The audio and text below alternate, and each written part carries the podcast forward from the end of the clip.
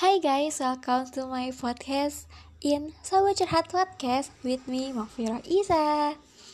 Okay, now I want make uh, some different from this podcast.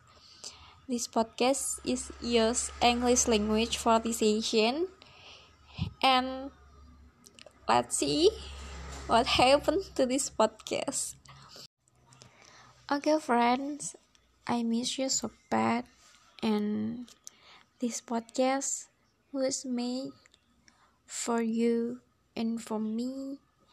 And we just share everything is what is important or not important.